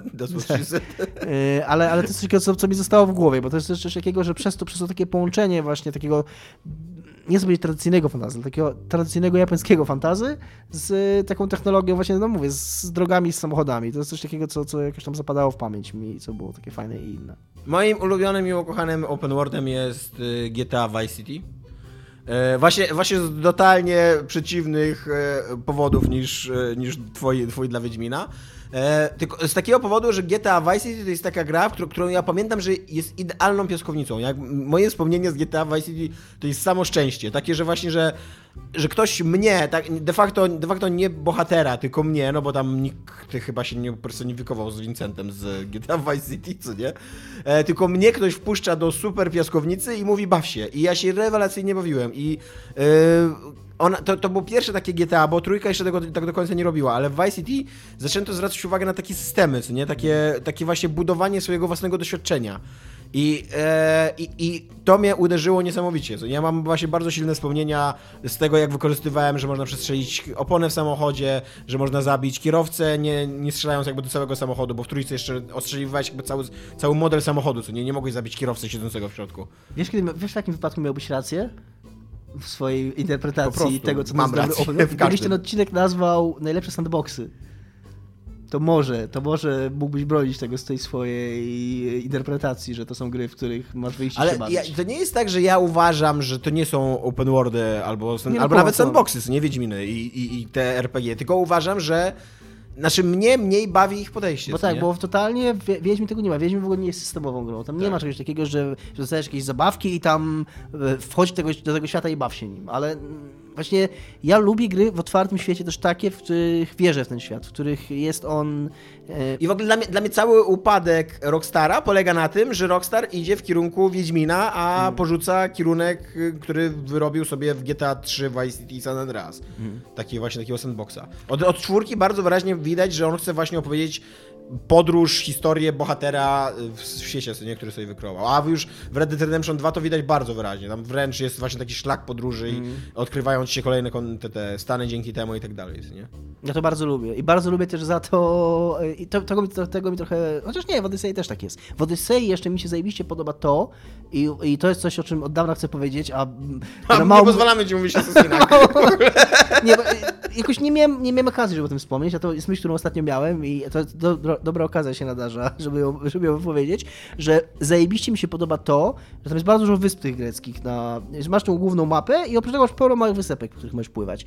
I na każdej z tych wysepek jest, y, jest jakiś questline, jest jakaś linia, nie tylko, że tam dwa czy trzy questy rozrzucone, tylko faktycznie powiedzmy, czy tam trzy, czy cztery, czy pięć questów, czy sześć, ale one tworzą jakąś linię fabularną, która ma początek, środek i koniec. To są lepsze, gorsze, ale zawsze coś takiego jest, więc każda wizyta na takiej wyspie, jak ona jest nowa, jak robisz te questy, ona jest konkretnie jakąś małą historyjką zamkniętą, więc to faktycznie masz takie wspomnienia właśnie turystyczne z tego, że ty nie, nie popłynąłeś na jakąś wyspę i tam zrobiłeś trzy questy, tylko okej, na tej wyspie była historia tam taka, na tej wyspie była taka, na tej taka i przez to masz takie pocztówkowe wspomnienia prawie z tej gry. W Final Fantasy XV w ogóle robiło coś zajebistego. W Final Fantasy XV robiło zdjęcia. Takie, że tam jeden z bohaterów miał aparat i tam randomowo robił ci zdjęcia, więc jak robiłeś, e, e, rozbijałeś obóz, bo to też było mega fajne, że trzeba było nocować w tej grze, rozbijać obozy, to y, za każdym razem taki, po takim, y, po, takim obozie miałeś save'a i mogłeś przeglądać z danego dnia, jakie on zdjęcia, jakie on zdjęcia wykonał i później miałeś tam całą bibliotekę tych zdjęć. Autentycznie miałeś takie wręcz e, pocztówki z, tego, z tej swojej drogi, na, której, na której mogłeś obserwować, co się dzieje. To mi się strasznie podobało. I, i to, to jest fajne w Odyssey, a z kolei w Origins, i to jest też, co ja bardzo lubię w open worldach, bo też masz takie tam pytanie, co jest dla nas ważne w open worldach, to ja bardzo lubię, jak gra prowadzi nas, pozwala nam odkrywać swój świat właśnie w jakiś taki logiczny sposób, prowadząc nas przez niego questami. Czyli, że masz questa, kończysz go gdzieś, ale Kurde, jaki ty jesteś różny ode mnie. nie? a później trafiasz w inne miejsce nie dlatego, że tam chcesz tam, że ty decydujesz o tym, tylko że gra jakoś daje ci jakiś argument za Wiesz, to, co żeby... ja robię w open worldach? Co? Idę na północ po prostu, cały czas. Ostatnio to robiłem w ogóle chyba przez 10 godzin, to wszystkie robiłem w Red Dead Redemption. Cały czas szedłem na północ, żeby zobaczyć, co tam Ale jest. po prostu, co? Żeby, no, bo, żeby, bo tam coś jest, bo tam... Ja za to kocham e, Zeldę, Breath- Bre- Breath of the Wild, Mhm. bo właśnie, bo tam zawsze jak szedłeś, jak, jak stwierdziłeś, okej, idę na północ, zobaczyć, co tam jest, tam zawsze było coś fajnego. Nie, zawsze Nie, ale ja, ja, ja, właśnie, ja, z- ja z drugiej strony potrzebuję takiego y, fabularnego y, y, uzasadnienia w fikcji gry, dlaczego ja tam idę. Jeżeli ja, jeżeli, nawet jeżeli y, mm, bym się dowiedział... Bo jesteś podróżnikiem i masz przed sobą świat i od, jesteś odkrywcą i przygoda. No ale dlaczego akurat tam? Nie no... Zdecydowanie wolę, jeżeli, jeżeli mam jakiś argument, albo jeżeli jest jakiś powód, żeby... I właśnie bardzo lubię coś takiego, że...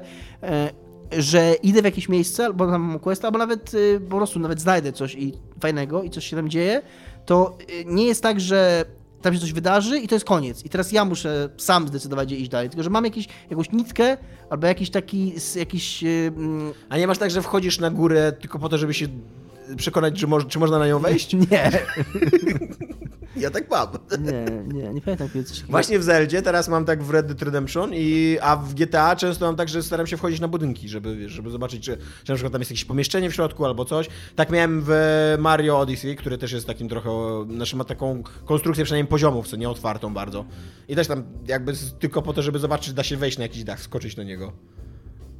Nie. A jak tam coś jest na tym dachu jeszcze dodatkowo, to już super, super, fajnie. No, tak odkryłem ten w Red Dead Redemption ten yy, krater, co nie, po yy, meteorycie. I ty mnie zapytałeś, czy, czy tam coś jest. No nie, no tam jest po prostu krater i to jest fajne, że tam jest ten krater, że mogę go zobaczyć, nie?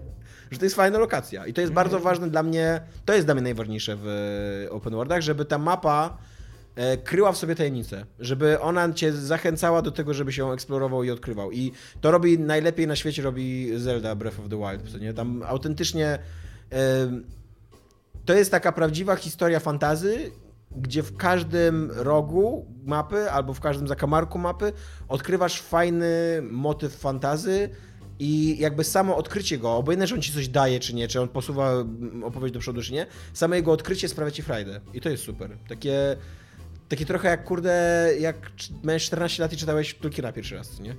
I tam nagle się okazywało, że tutaj jest, wiesz, wielka legenda o tym, co nie, i tak dalej. Muszę w tą Zeldę. Kurde, mam ją cały czas nie mogę w nią grać, tylko... Tylko mam inne gry, które gram zamiast jedną tego. grę. No to prawda.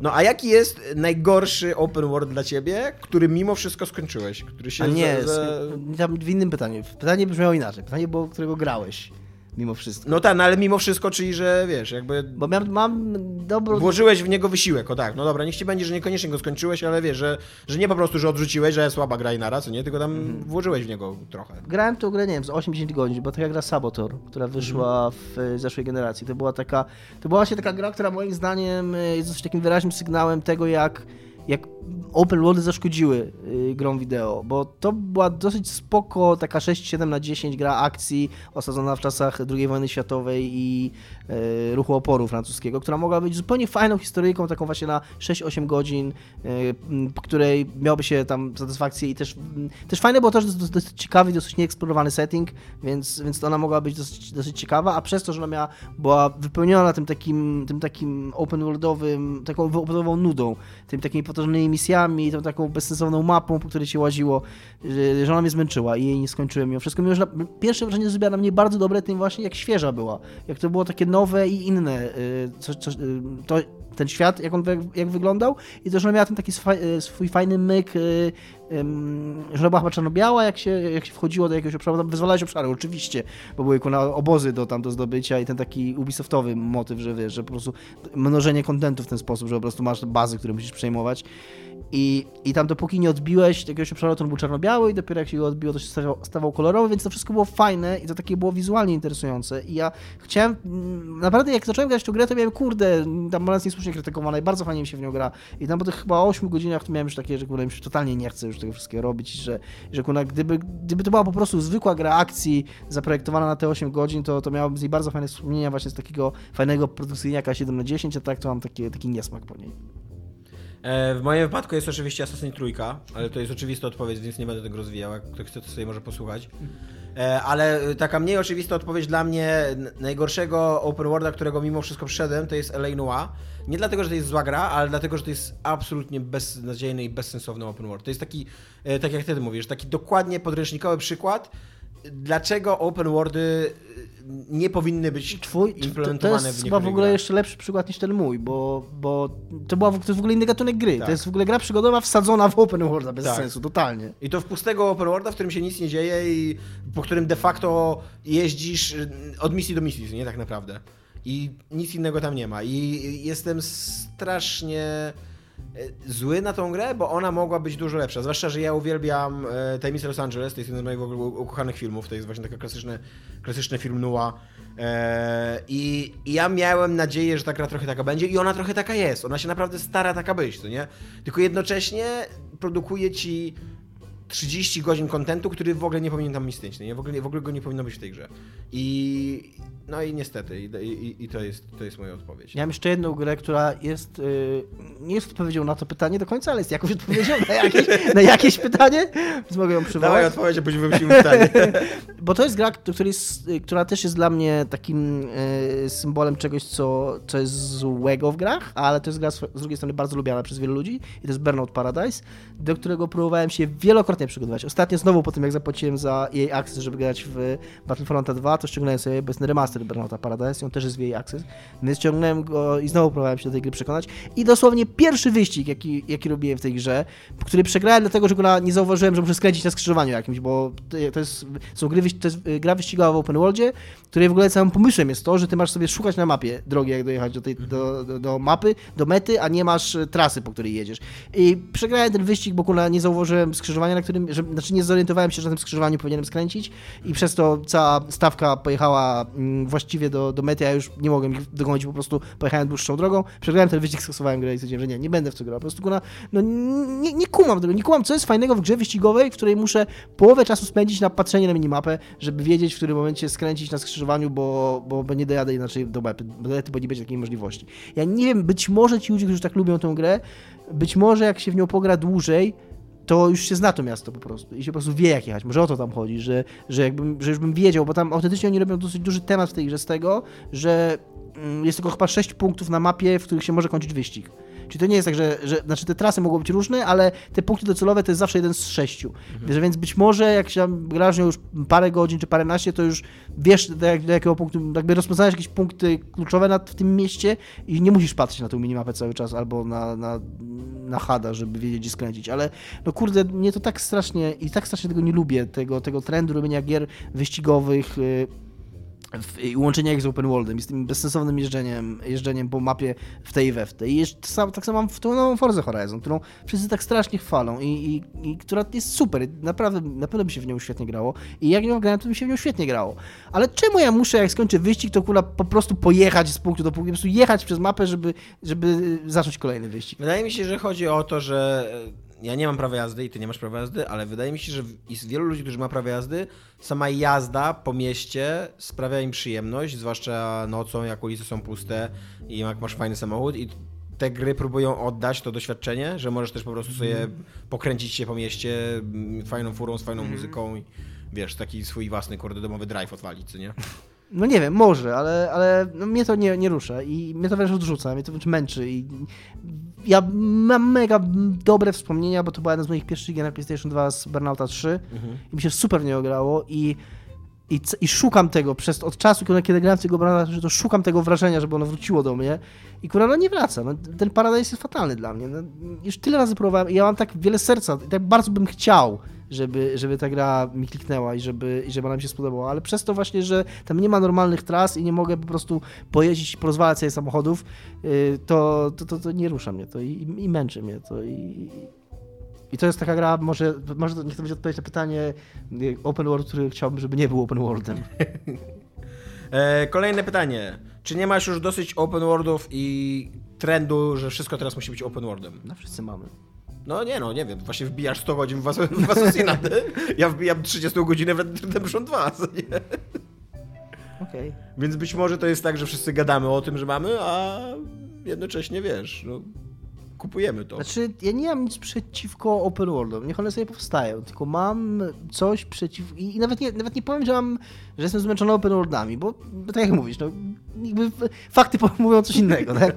Ale, ale niech te open worldy nie zjadają wszystkich innych gatunków. Niech, niech wszystko, jakby to, że open worldy powstają, nie musi znaczyć, że, że już tylko open worldy powstają, ale niestety wszystko do tego zmierza. Wszystko do tego zmierza przez to, że, że ta, ta tendencja do, do robienia gier y, jako usług, tak, że gra musi żyć długo i, i że przez to ten Assassin, właśnie to jest coś, co jeszcze chciałem powiedzieć w zeszłym odcinku, że, że on tak naprawdę nie ma zakończenia, znaczy może jeszcze będzie zakończenie, nie wiem, ale tam de facto w tej grze są trzy główne wątki, które, które się toczą przez całą grę.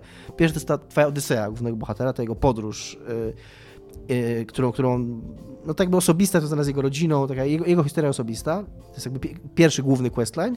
Drugi, drugi główny questline, questline jest związany z Atlantydą, która tam w ogóle odkrywasz po 40 godzinach gry, że ona jest i tam masz, musisz znajdować takie klucze, które zamkną do Atlantydę, żeby tam źli ludzie nie, nie nie, dostaję do niej dostępu. I trzeci questline jest z zabijaniem kultystów. I mi się wydaje, że ja te questline trochę w złej kolejności zamykam, bo jako pierwszy zamknąłem ten osobisty i on ma taki najbardziej, mm, jak on się kończy, to jest y, fabularnie to najbardziej wybrzmiało jako zakończenie gry. Y, Bo i tam ta historia bohatera się jakoś tam zamyka, ta jego droga osobista i też w świecie współczesnym dzieje się tam taki plot twist w ogóle, pff, nie, bo oczywiście kurwa, wszystkie te gry muszą się zakończyć jakiegoś takiego plot twista, że tam o ja jebie, nie, tam się dzieje nic takiego, że, że tam jest trochę niedorzeczne, ale jednocześnie trochę fajne przez to, że jest takie niedorzeczne. Y, I i to myślę, że okej, teraz powinny polecieć napisy końcowe, ale nie lecą, po prostu ta kasenka się kończy, ja znowu biegam swoim ludzikiem, więc zamknąłem tego drugiego questline'a z Atlantydą i... Yy, a nie, przepraszam, źle powiedziałem, właśnie po tym questline'ie z Atlantydą jest, y, jest taka scenka właśnie, o której mówiłem. Czyli pierwszego zamknąłem tego z Atlantydą, drugiego zamknąłem tego osobistego, teraz mm, zastanawiam się, czy jak tego z kultystami skończę, to mam jeszcze dwóch do zabicia, to może będą napisy końcowe, a może nie będzie, bo oni nawet To jest gra, która w ogóle nie ma napisów końcowych. może oni po prostu, i teraz, i o, o tym teraz myślę, może oni ci nie chcą w ogóle puszczać tych napisów końcowych, bo jak, zobacz, ja tak przynajmniej mam, czasami, tak miałem z Origins, na maksa, ja chciałem grać w Origins, a w Origins, mimo że miałem do recenzji, dostałem kod na tą wersję, taką jakąś tam Gold czy Ultimate czy whatever, która miała Season Passa w sobie, więc totalnie miałem DLC do, do Origins, których nawet nie odpaliłem, bo jak zobaczyłem napisy końcowe, to już zostawiłem tę grę i nie uruchomiłem jej nigdy więcej. I, I być może oni wiedzą, że to ludzie jak ja i nie puszczają tych napisów końcowych, bo oni nie chcą, żebyś nigdy w tą grę przestał grać, nie? I ona już robi coś takiego nawet, że... Yy, A nie możesz sobie po prostu sam puścić jakiś napisów końcowych? Ona robi coś takiego, że ma. e, Pamiętam, że w Assassin's Creed 3 były 14-minutowe napisy końcowe. Mogę ci, mogę ci wysłać. Ale zastanawiam się, no może zobaczę te napisy końcowe, jak zrobię tego tego kultysta. A jak nie, no to może już nigdy nie skończę grać tego asesyna, bo tam jeszcze nie zamknięte parę questline'ów. Tam jest jeszcze w ogóle są dwa Proszę DLC. skończyć tak grać tego Assassina. To jest, to jest bardzo ważne dla naszego podcastu. To są jeszcze dwa DLC i mało tego, ta gra robi coś jeszcze super wrednego, bo jest drugie DLC jest właśnie w Atlantydzie. E, I totalnie ten questline zaczyna się i ja nie wiem, w którym... Że jednak wchodzi do tej tak? Tak, tak, jest. Tam w ogóle jest, e, tam jest jakaś domena bogów w ogóle i tak dalej. Tam się już tam autentyczne fantazy dzieje naprawdę w tym, w tym, e, w tym DLC. I początek tego questline'a jest taki, że mimo, że nie mam kupionego DLC, to mi się pojawił w vlogu, nie? że tam pójść na ten. I tak z ciekawości Aha, bo akurat miałem, kończyłem innego questa tuż obok tego miejsca. Więc poszedłem do tej babki i tam się spodziewałem, że będzie tam wyskoczy pop-up, że tam kup DLC, żeby w to grać. Ale nie, totalnie był dialog, totalnie mogłem z nią pogadać, totalnie dostałem, kazała mi gdzieś tam iść. I cały czas mam, dostałem w ogóle drugiego questa w tym, w tym questline, więc kurwa już oni na maksa, tak ci wrę- wręcz, no bo na pewno tam w końcu wyskoczy gdzieś ten komunikat, że kup to DLC, żeby w to grać, no bo, no bo to DLC jest płatne, no kosztuje 100 zł, więc, więc no, to nie jest tak, że, że, że nagle mogę w to grać, bo coś tam, więc no to już, no mówię, no oni bardzo, bardzo nie chcą, żeby, żebym ja przestał grać w tą grę. Może zacznij im płacić mikrotransakcje, to w końcu ci, wiesz, ktoś ci puszczą. Powiedz, ile mam zapłacić, żeby mógł przestać grać? No, e, moim, e, znaczy ja mam taki problem z tymi open worldami, że moim zdaniem, znaczy chyba nie tylko moim zdaniem, to jest w ogóle powszechnie znany fakt, że forma narzuca temat, tak jak temat narzuca formę, nie?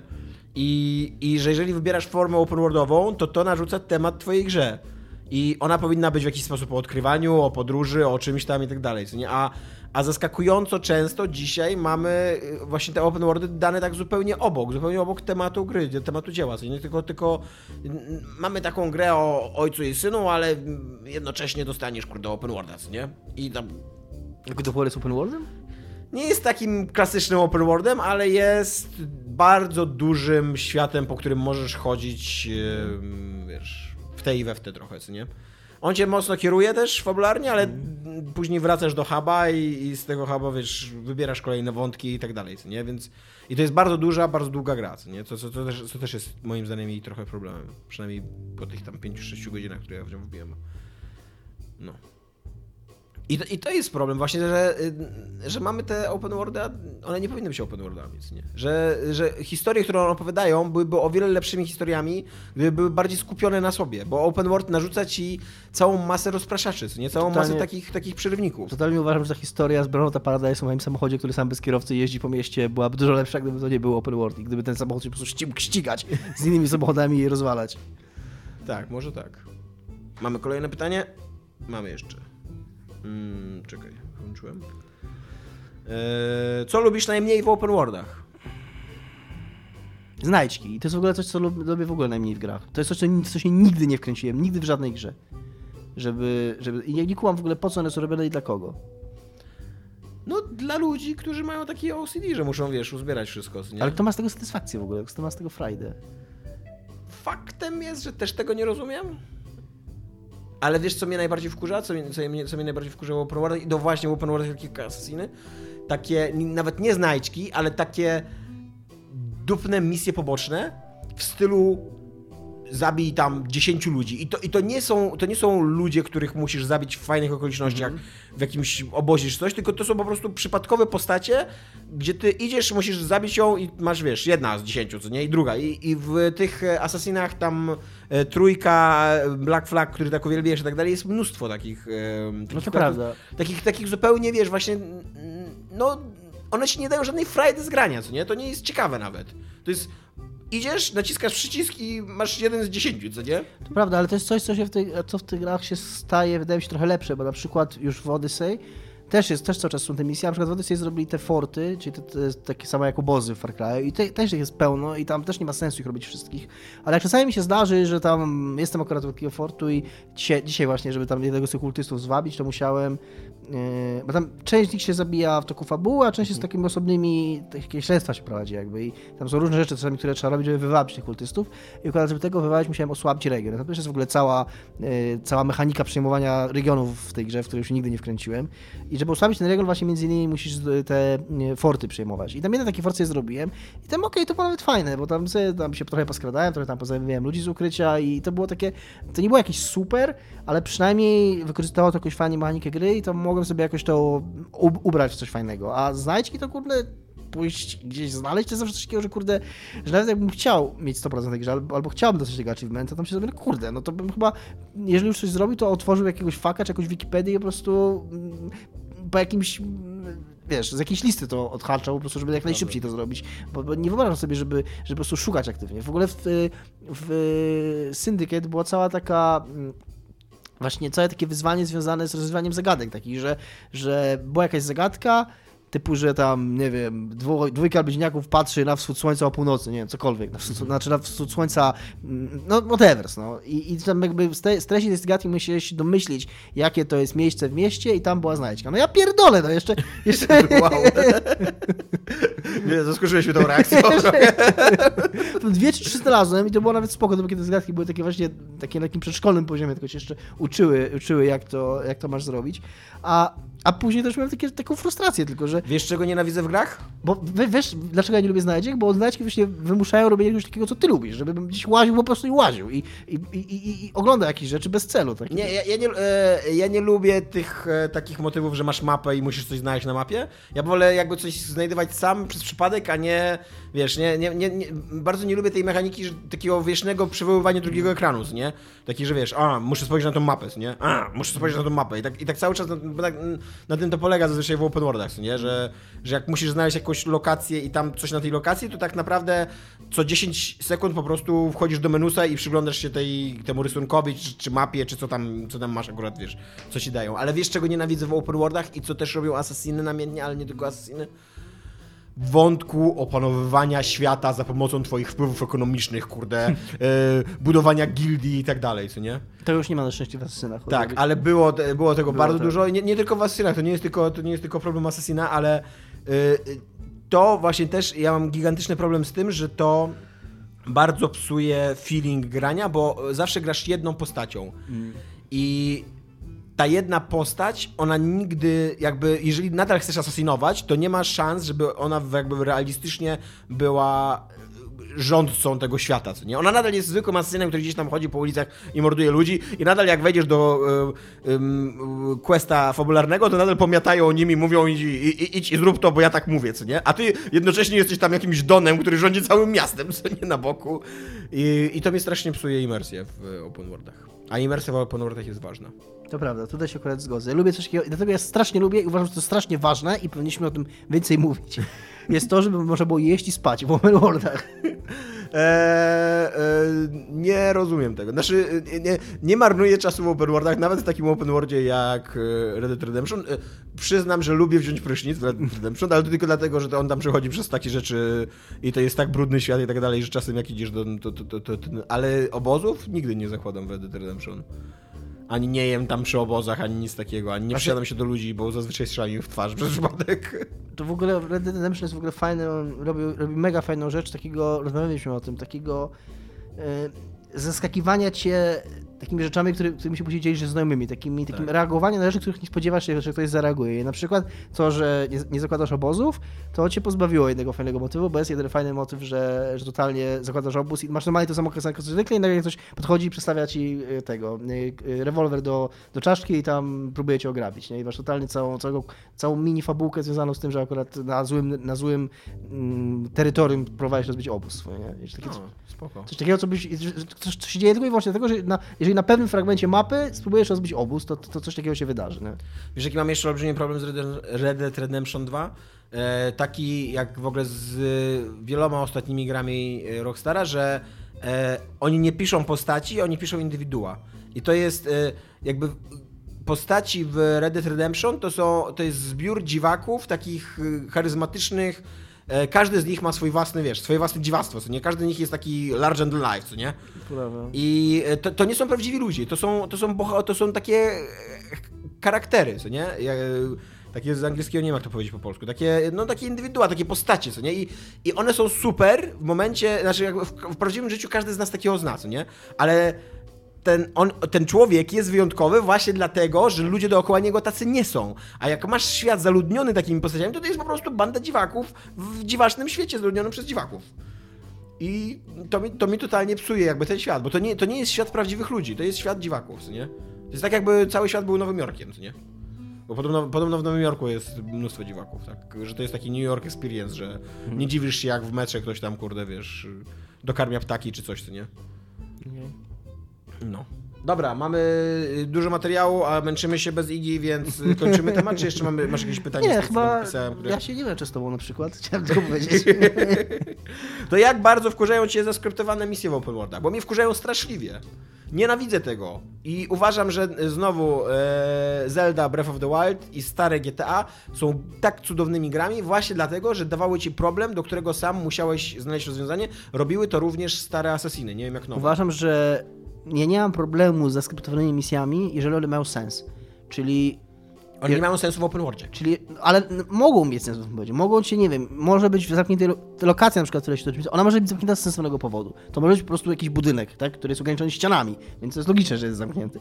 Albo możesz nie, nie, możesz nie, nie mieć możliwości strzelania, bo ktoś ci zabierze broń i to jest jakoś popularnie uzasadnione, że ci zabrał broń. Więc jeżeli oni ci narzucają ograniczenia, to niech te ograniczenia przynajmniej jakoś mają tak na- w podstawowym sensie, że trzymają kupy. Ale coś takiego jak robi Red Dead Redemption, co wspominaliśmy, ja wspominałem już parę razy, będę wspominał cały czas, że po prostu ci gra interfejsem, która robi czerwony krzyżyk i mówi nie, nie, nie możesz teraz strzelać, bo ja ci nie pozwalam, bo ja ci po prostu fizycznie zabronię teraz strzelać, no to to już, to już jest takie... A to już... nowe Assassiny robią coś takiego? Czy Nie, w ogóle nie. W- w- nowe Bo niektóre Assassiny robiły coś takiego, też miały takie Tak. mocno zaskryptowane misje. Ale nie, nie, teraz to już w ogóle tego nie ma. One są totalnie właśnie nowe. Assassiny i Origins i Odyssey są totalnie takimi open worldami, że, że tam masz zabić ludzika, to masz po prostu iść go zabić, cokolwiek możesz zrobić. Ja w ogóle ja uważam, że, że największa frajda w open worldach to jest, y, i że jesteś postawiony przed problemem, który ty musisz rozwiązać i że nie ma dobrego i złego rozwiązania. Znaczy, oczywiście jest, bo tam możesz wymordować pół miasta tylko po to, żeby zabić jednego człowieka, co nie?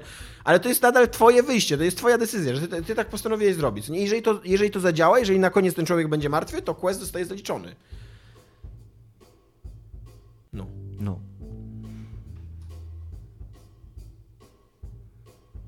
Mm. W ogóle się nie męczymy bez Igi, no. no ciężko się, ciężko się. Ale już mamy dużo materiału, mamy z godzinę, Tomek.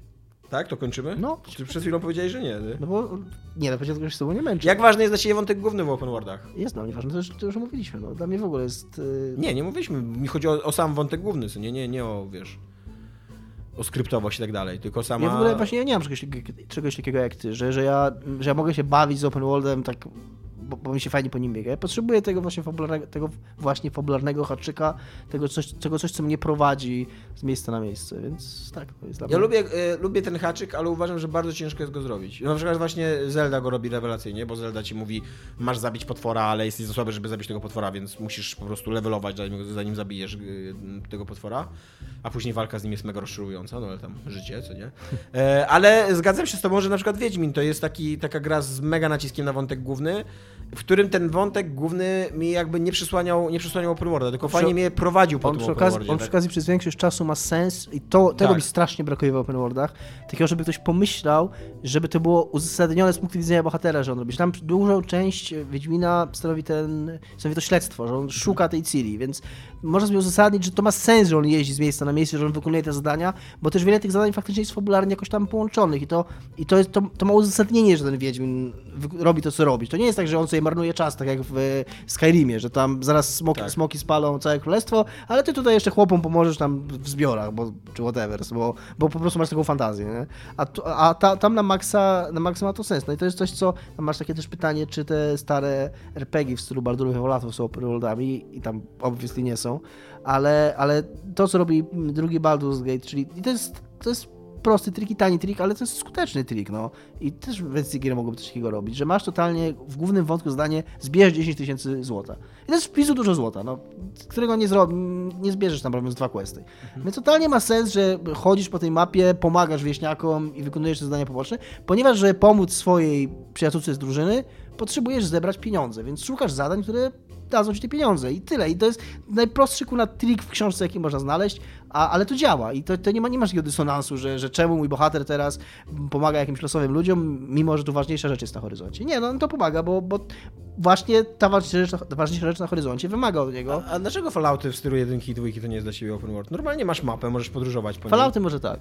Baldur's Gate. Tak jak z pilarsami dzisiaj masz, co nie? No dzisiaj te pilarsy dwu... to totalnie jest open world taki, że masz mapę i pływasz sobie na statku po niej schodzisz na wyspę i spa... sprawdzasz jakie tam są questy i wiesz.